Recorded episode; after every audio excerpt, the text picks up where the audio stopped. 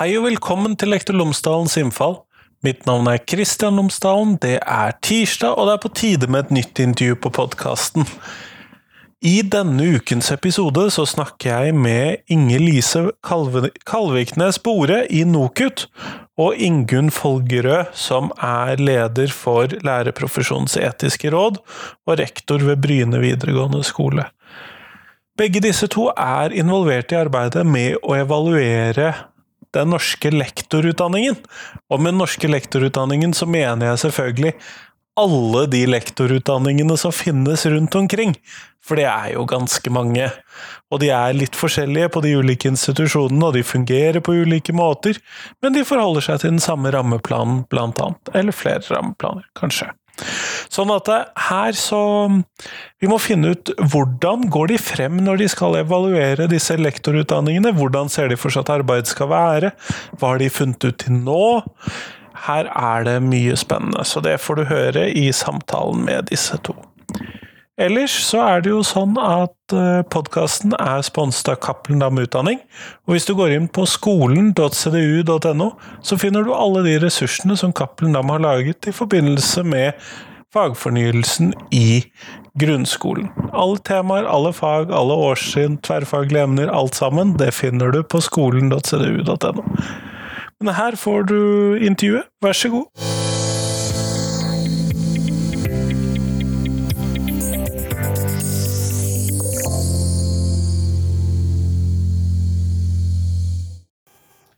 Ingunn Folgerød og Inger Lise Kalviknes Bore, tusen takk for at dere har tatt dere tid til meg i dag. Takk for at vi fikk komme. Før vi kommer sånn ordentlig i gang med intervjuet, så hadde jeg håpet at dere kunne fortelle lytterne mine tre ting om dere selv, sånn at de kan få bli litt bedre kjent med dere. Og hvis vi da starter med deg, Ingunn, tre ting om deg. Ja, eh, til daglig eh, så er jeg rektor på Bryne videregående skole. Det er en fantastisk jobb, syns jeg. Det er veldig spennende. Eh, så har jeg eh, et verv eh, de inneværende fire årene som leder i Lærerprofesjonens etiske råd. Og utenom det så trives jeg godt med i fred og ro med familien min. Ja. Kjempeflott. Inger Lise, hva med deg? Jeg er utdanna medieviter. Nå jobber jeg um, i avdeling for evaluering og analyse i NOKUT. Uh, og der har jeg jobba mest med lærerutdanning siden jeg begynte i 2018. Ja, og Det er jo nettopp denne evalueringen vi skal snakke om i dag. og Da lurte jeg på om dere kunne fortelle meg litt om hva er det dere ser på, hva er det som undersøkes, rett og slett? Når vi begynte med denne evalueringen, så um, var vi opptatt av at den skulle være til nytte for studenter, de som jobber med lektorutdanning, enten det er på campus eller i skolen. Um, så vi hadde en hel haug med innspillsmøter med folk um, i sektoren, med interessenter, uh, for å diskutere hva de tenkte vi burde se på, hva som ville være nyttig. Uh, og sammen med de så landa vi på fem evalueringstemaer, um, som alle handler om ting som er ekstra vanskelig i lektorutdanningen. Så dette er ikke akkurat en, en gyllen mulighet for disse utdanningene til å vise seg fram for sin beste side. Dette er um, en evaluering som, konsentrerer seg om det som er vanskelig, og som vi håper kan bli bedre. Um, så vi har, vi har, fem temaer som jeg kan uh, fortelle litt kort om. Um, det første temaet vi har, er nasjonal styring og institusjonell autonomi. Det handler om, eh, særlig om rammeplanen til disse lektorutdanningene og retningslinjene, som er ganske detaljerte, um, og hvor godt um, utdanningene føler at de fungerer. Um, det andre temaet vi har, er ledelse, organisering og samarbeid i lektorutdanningene. og Da handler det òg om samarbeidet med skolen, selvfølgelig. det tredje temaet vi har, er helhet og sammenheng. Eh, mellom eh, disiplinfagene eh, og profesjonsfagene og praksisopplæringen i skolen. Det fjerde temaet handler om lektorstudentene sine profesjonelle identiteter og hva slags tilhørighet de har til lektorutdanningen.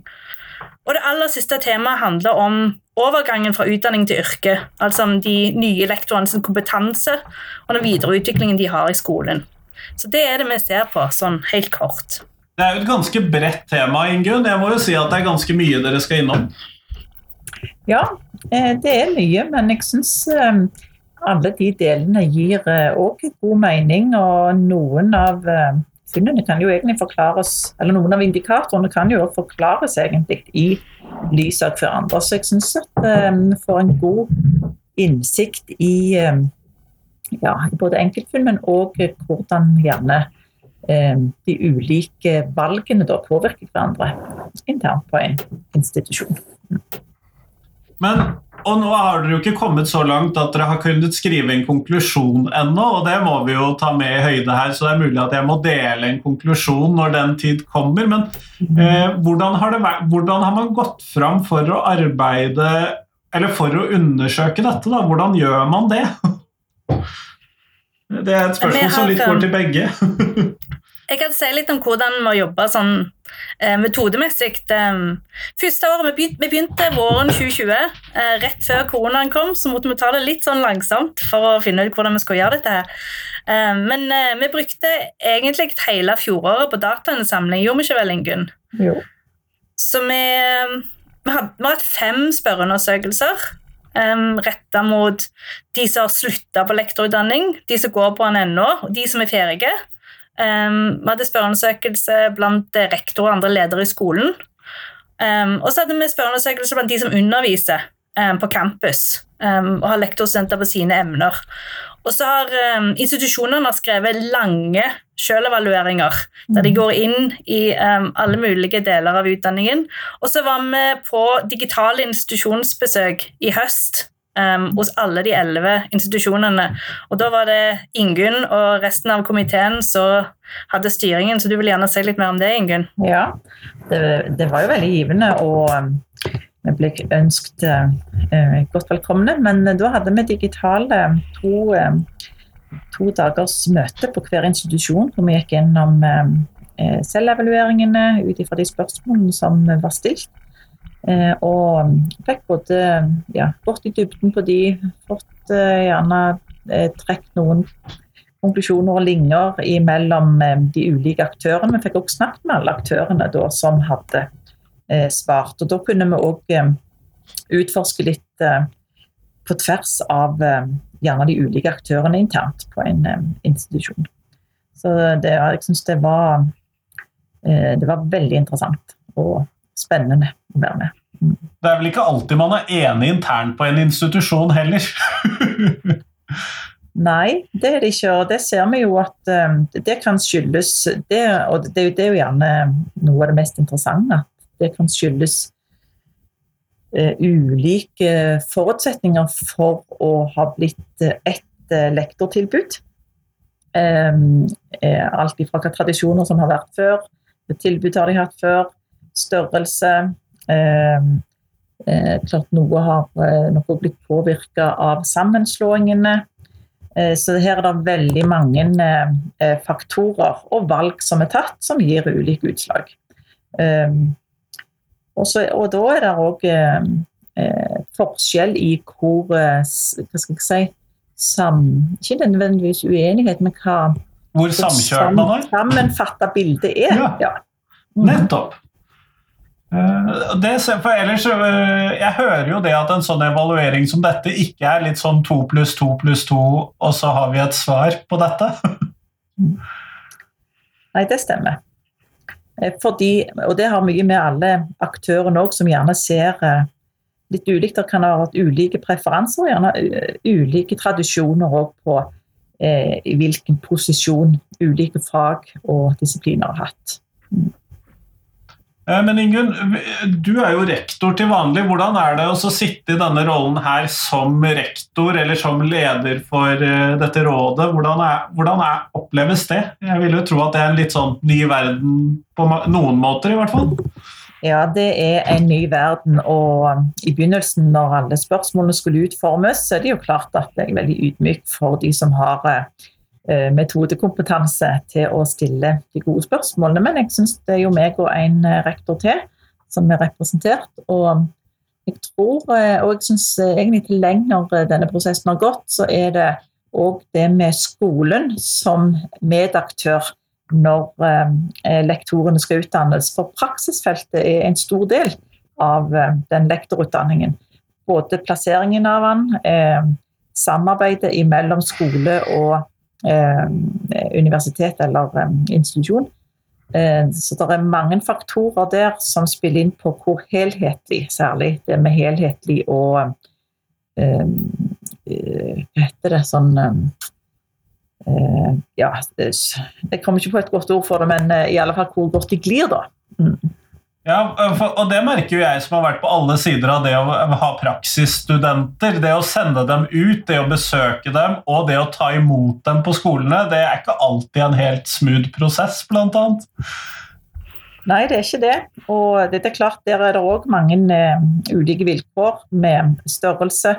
Men det er klart det som uh, gjerne skiller litt det er i hvilken grad eh, en har tenkt eh, lektorutdanningen som en helhet, både internt på institusjonene, men også samarbeidet eh, ut. Så det er jo eh, et par institusjoner synes jeg, som du merker at alle aktørene snakker om det samme.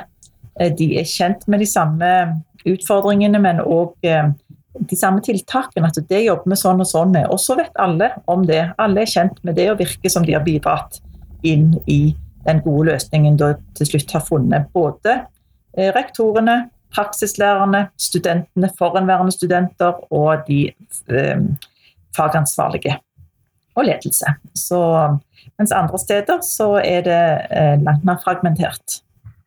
Nettopp. Er det noen andre sånne litt mer generelle trekk dere har funnet i løpet av denne prosessen, Inger Lise? Jeg tenker det som Ingunn snakker om nå, er jo veldig sentralt. Dette med hvor krevende det er å ha lektorutdanning. Med disse studentene som stort sett har emner med andre studentgrupper. Med ingeniørstudenter, matematikkstudenter, folk som studerer litteratur, som slett ikke har tenkt å jobbe i skolen etterpå. Så eh, det er jo mange hensyn å ta. Mm.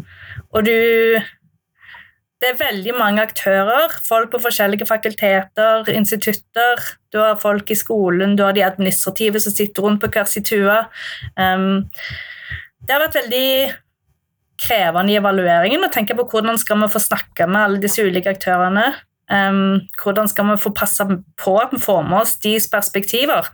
Um, og jeg tror nok det er akkurat de samme problemene de sitter med på lektorutdanningene. Hvordan skal vi få samla disse folka, hva slags arenaer har vi for at folk skal få snakke sammen og, og komme seg videre? Og Der de klarer det, tror jeg de har mye større forutsetninger for å lykkes med lektorutdanningen. Ellers ender en vel fort opp med at eh, emnene sitter litt hver for seg, og så er det opp til studentene å trekke trådene og prøve å ordne opp i problemer som dukker opp, og så gjøre dette til en helhetlig utdanning sjøl. Så det er rett og slett litt for å prøve å finne ut hvordan gjør vi dette til et, en merverdi for alle involverte, og ikke bare ha den gamle PPU-ordningen, da. Ja. Og det handler jo om eh, når du skal ut i praksis, eh, må du ha undervisning parallelt da eller ikke? Det har mye å si. Eh, får du, velge, får du, muligheten til å velge en eh, didaktisk oppgave, eller må du ha en ren eh, disiplinær oppgave, masteroppgave? Så det, det, betyr noe for studentene, og det merker vi jo òg når vi skal ansette på en skole og har intervjuer om For det, noe, det blir jo òg tatt opp der når vi ser hva valg som er gjort. Mm. Nettopp. Men eh, hvilken eh, rolle tenker du Ingunn, at skolen har i lektorutdanningen? Ja, jeg syns vi har en uh, rolle hvor vi skal være veldig obs uh, på det å ønske velkommen og gå inn i hva er, hva er rammene for når studenten skal ut. Men, men særlig det å ønske velkommen, vær obs på at de går inn i alt som rører seg i skolen de ukene de er der. Det er viktig, for det er det òg forskjell på hvordan skoler gjør. Noen eh, der, kan komme på en skole og nesten aldri der ingen hilser på dem, mens andre får virkelig bli eh, godt inkludert. Det er jo en fantastisk anledning til å bli kjent med aktuelle kandidater som kan søke på skolen. Så rektorene har en mulighet eh, til å både hva skal jeg si, selge inn skolen sin som en arbeidsplass, og det kan òg være veldig godt for elever å få gode lærere. Det er, det er, viktig at eh, rektorene gjør et skikkelig arbeid. Eh, og, og det henger ofte sammen med Det syns jeg gjerne eh, viser også at der hvor du merker at alle aktørene snakker samme språk, så har de òg mye av de samme verdiene. Mens der det er veldig fragmentert, så har det lett for at en jobber sekvensielt. Og da mangler du den overbygningen og helheten som er identitetsskapende. Jeg hører jo en del sånne viktige punkter som eh, flere institusjoner kan lære noe av, da, bare ut ifra det som du skisserer der fra skolevirkeligheten. Mm. Men når dere har gjennomført disse undersøkelsene, Inger-Lise, har du mulighet til å si noe om noen av de tingene som dere har funnet f.eks. hos disse da, nyutdannede eller de som har sluttet på utdanningene? Eller, ja? Um, en, vi hadde jo den undersøkelsen som var retta mot de nyutdanna, og der så vi at det var veldig mange av de som opplevde overgangen fra utdanning til yrke som utfordrende. Um, og selv om de aller, aller fleste hadde fått formell eller uformell veiledning, så var det fremdeles under halvparten som opplevde at de, at de hadde fått en veiledning de faktisk følte at de trengte.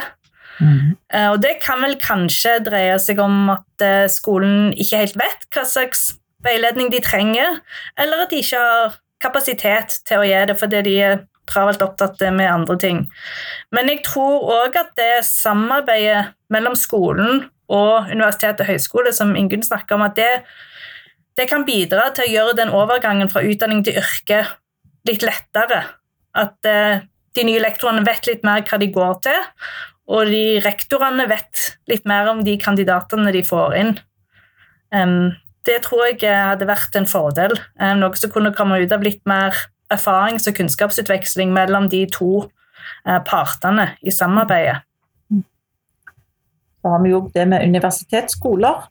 Eh, noen har eh, utnytta det handlingsrommet til å bygge felles eh, kompetanse på hva det vil si å ha, altså at det har fått påvirka praksisfeltet òg. Ikke alle har gjort det. Noen steder Det er fenomenet jeg ikke kjenner til.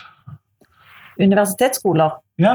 det er skoler i en region som har et særskilt samarbeid med et universitet Eh, sånn at eh, en kan skrive, forske på praksis. Så det er gjerne masterstudenter som forsker. Men det kan òg innebære andre typer samarbeid. Og det er enkelte institusjoner som har fått til et gjensidig samarbeid som har gjort at rektor har lært mye om,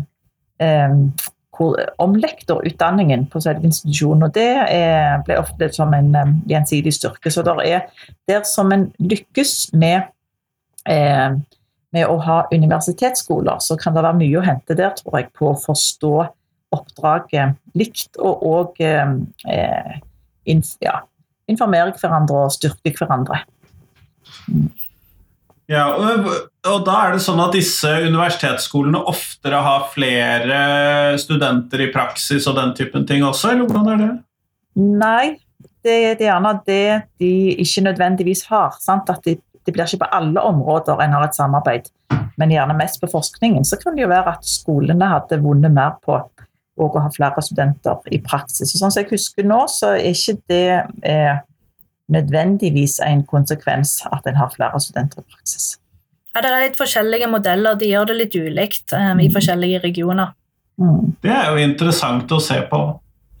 Men eh, når vi da har disse nyutdannede lektorene Inger-Lise, som skal prøve å finne sin plass i denne skolen som de kommer inn i. Og så sier du at en del av de opplever at de ikke nødvendigvis har fått den veiledningen de har behov for eller har ønsket seg, eller lignende. Vet vi om de har et realistisk bilde på hvilken veiledning de skulle ha fått eller ville, ville ha?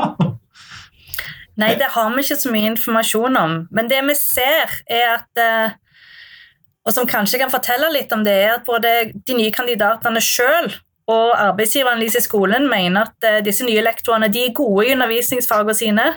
De er gode til å formidle kunnskapen på en forståelig måte. Um, men skolen mener at de, de, kunne nok vært bedre på klasseledelse fra begynnelsen av. Det skulle de mm. ønske seg. Og så mener de at de nye lektorene ikke er godt nok forberedt på det de beskrev som den, den komplekse yrkeshverdagen i skolen. Og da tenker jeg at det, kan være mye å stå i for en ny lektor. Det er veldig mye du skal forholde deg til. Og hvis du ikke er forberedt på det gjennom utdanningen, så kan nok den overgangen til yrket bli vanskelig. Og det kan nok kanskje være der de trenger en del ekstra veiledning. Mm.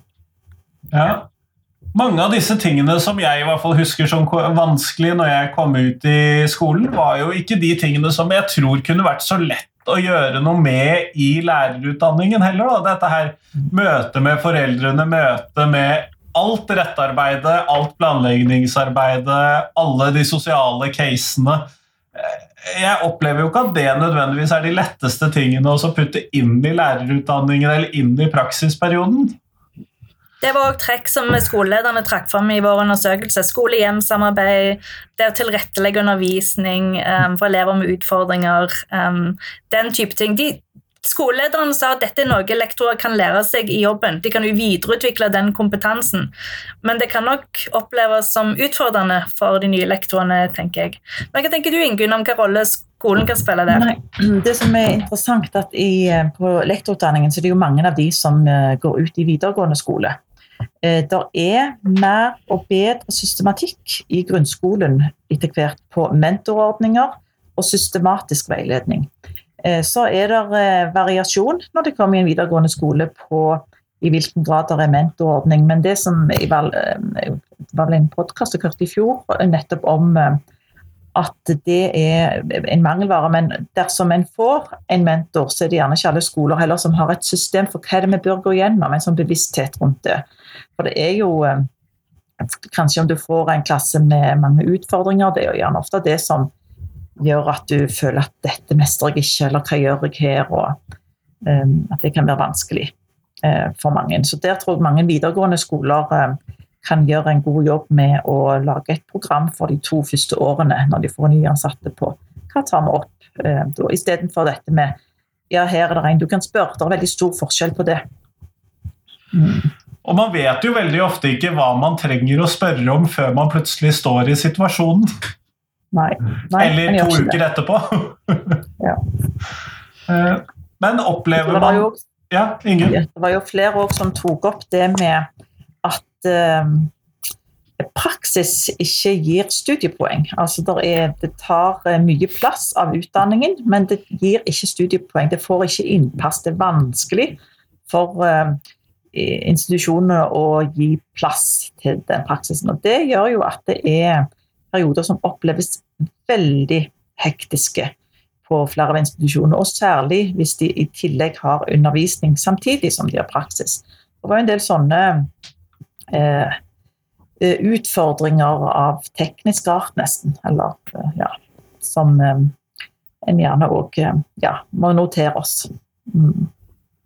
Ja, nettopp. Så fordi at det blir jo da en problemstilling fordi at de da ikke kan være hele tiden på skolen eller bruke alle ressursene sine på skolen. Er det det man da tenker på, Ingen? Ja, og at det går jo mye tid. altså Det, har, det studieåret har jo sine poeng, men om mange av ukene er du vekke fordi at du er i praksis uten at du får poeng for det. Så det er klart det er en tilleggsdimensjon. Eh, men jeg syns praksisen er veldig viktig. Men det kan være Ehm, det kan jo være at eh, denne evalueringen kan reise en diskusjon rundt det. Det vet jeg ikke. Det kan nok institusjoner mer om enn meg, men det ble i alle fall tematisert som utfordrende at praksis ikke gir studiepoeng. Det ser ut til å særlig være et problem eh, når de begynner med langpraksis, kanskje i tredje og fjerde året. Der de er mange uker i praksis, har kanskje stort undervisningsansvar, ansvar for klasseledelse, selvfølgelig masse å forberede, de er sikkert stressa og nervøse. Og samtidig så fortsetter undervisningen å rulle og gå på campus i flere av emnene. Og da har de gjerne forelesninger som de kanskje skulle vært på. Noen steder flytter de de til kvelden, for at eh, lektorstudentene skal få være med, men jeg kan jo tenke meg at etter en lang dag i skolen, så er det ikke så mye en klarer å ta til seg um, i en kveldsforelesning. Og en kanskje har innleveringer som skal inn i løpet av praksisperioden eller seinere. Um, som vi så i den spørreundersøkelsen vi hadde til de nåværende lektorstudentene, de, det er mange som opplever arbeidspresset i praksisperiodene som veldig høyt, fordi det er så mye som skjer samtidig. Og Da tar de gjerne og så tar et skikkelig skippertak etter praksisperioden for å prøve å komme seg inn igjen. Men det kan jo selvfølgelig gå utover læringsutbytte både fra praksisperioden og fra resten av um, undervisningen de har på campus. Nettopp, nettopp. Men kan dette da tyde på at man bare har slengt lektorstudentene eller lektorutdanningen oppå den vanlige utdanningen uten å egentlig tilrettelegge? Eller, eh, for jeg sliter litt med å forstå hvorfor man skal ha denne undervisningen underveis i praksisperioden, ut ifra hva dere skisserer. Fordi lektorstudentene tar jo fag sammen med andre studenter.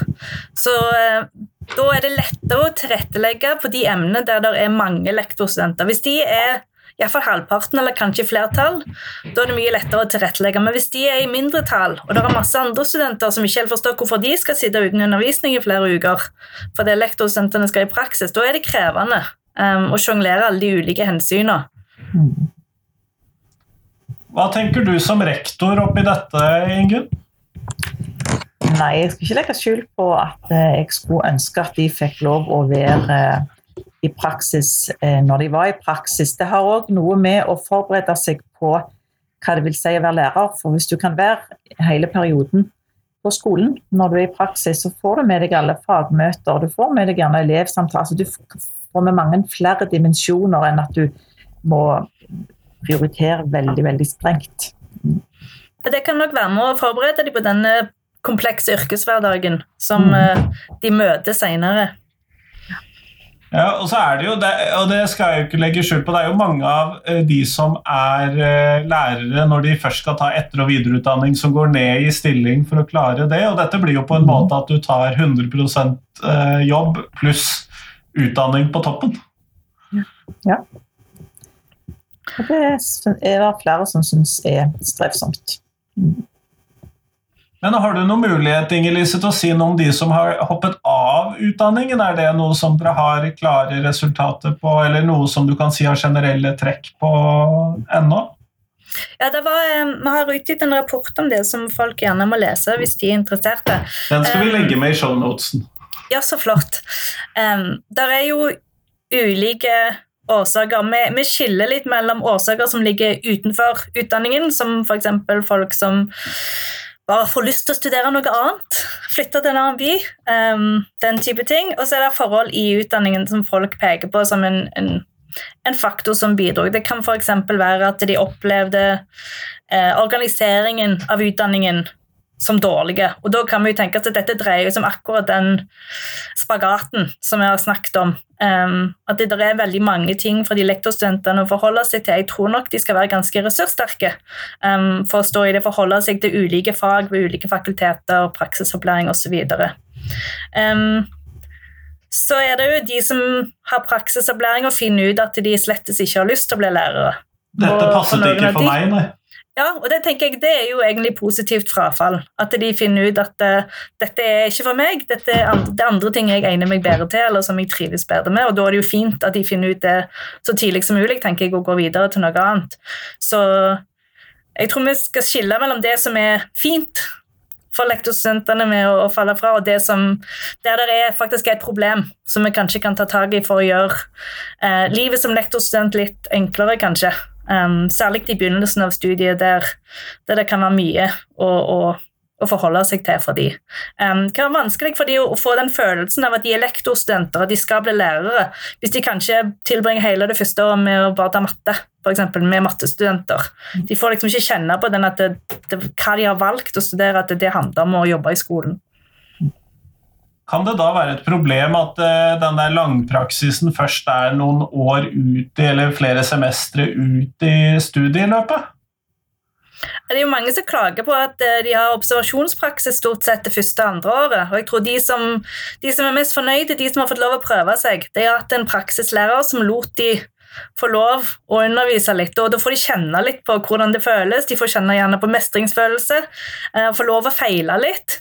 Så det, De tror jeg har en bedre opplevelse enn av de som føler at eh, Jeg satt jo akkurat på skolebenken i videregående, og sitter jeg der igjen. Hvorfor, hvorfor gjør jeg dette her, liksom?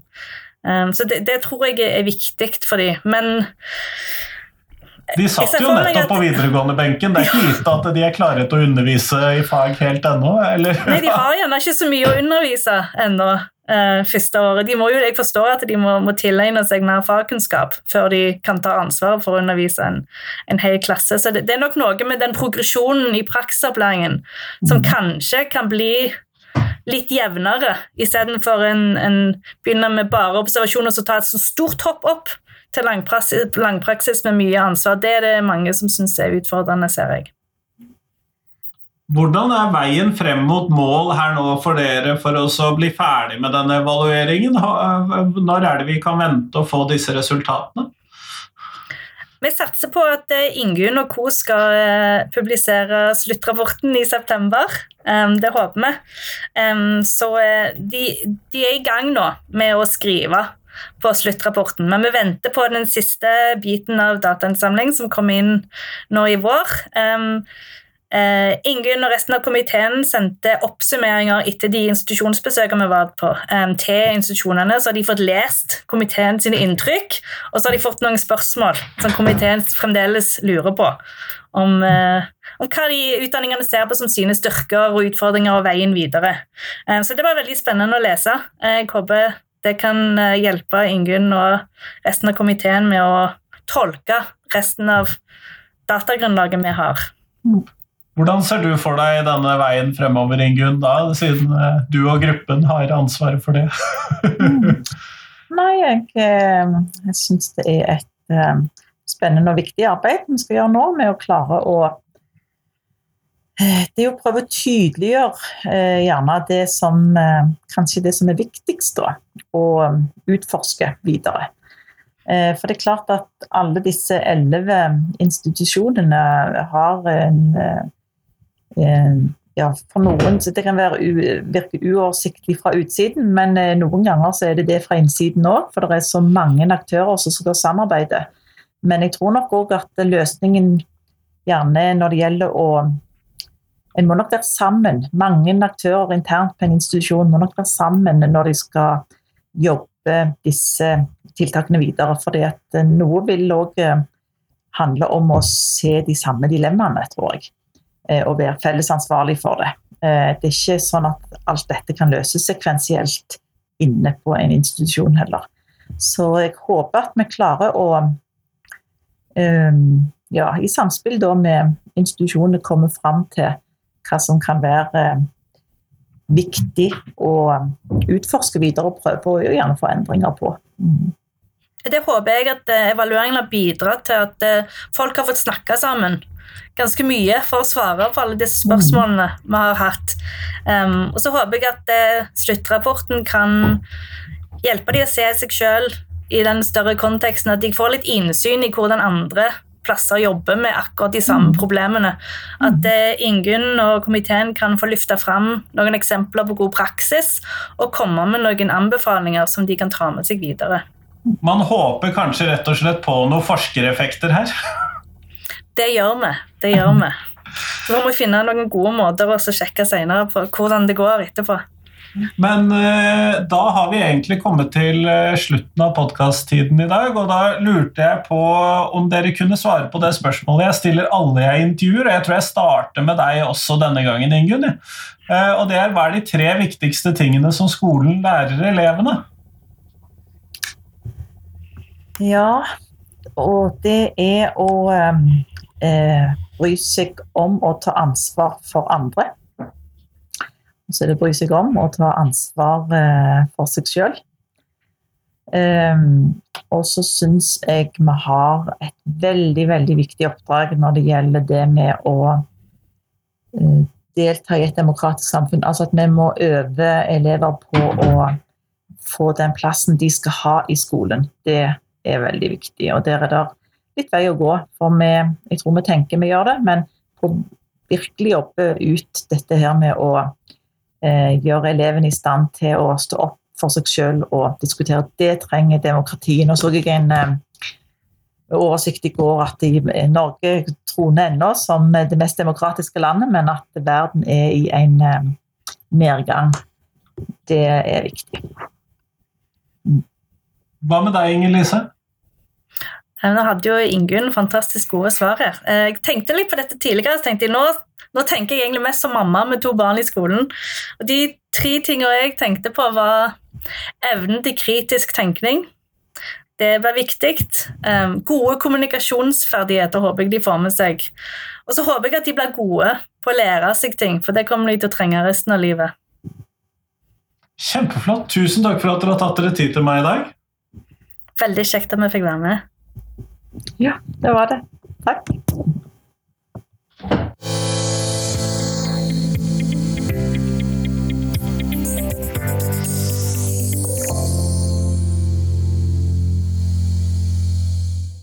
Tusen takk til Inger-Lise, og tusen takk til Ingunn, og selvfølgelig tusen takk til deg som hørte på. Nå er det en uke igjen til neste episode på podkasten, men du får selvfølgelig en eldre reprise på fredag. Hvis ikke det skjer noe spesielt som gjør at det kommer et ekstraintervju før den tid. Sånn at det, det, får du se. Hvis du trenger noe mer å høre på, så kan du da nyte en gammel episode på fredag. Ellers, det kommer en helt ny episode neste tirsdag. Det gleder jeg meg til, for som alltid, jeg syns det er veldig spennende disse intervjuene jeg slipper, og jeg håper at du setter pris på de også. Og hvis du gjør det, så legg gjerne en review eller stjerne eller et eller annet i det podkastprogrammet som du bruker, hvis det er en mulighet for det. For det blir jeg utrolig glad for. Eller kanskje del podkasten min med noen som du kjenner. For jeg syns det er veldig gøy at folk hører på podkasten min. Det gjør meg utrolig glad. Men nå, nå skal du få uken for deg selv. Hei, hei.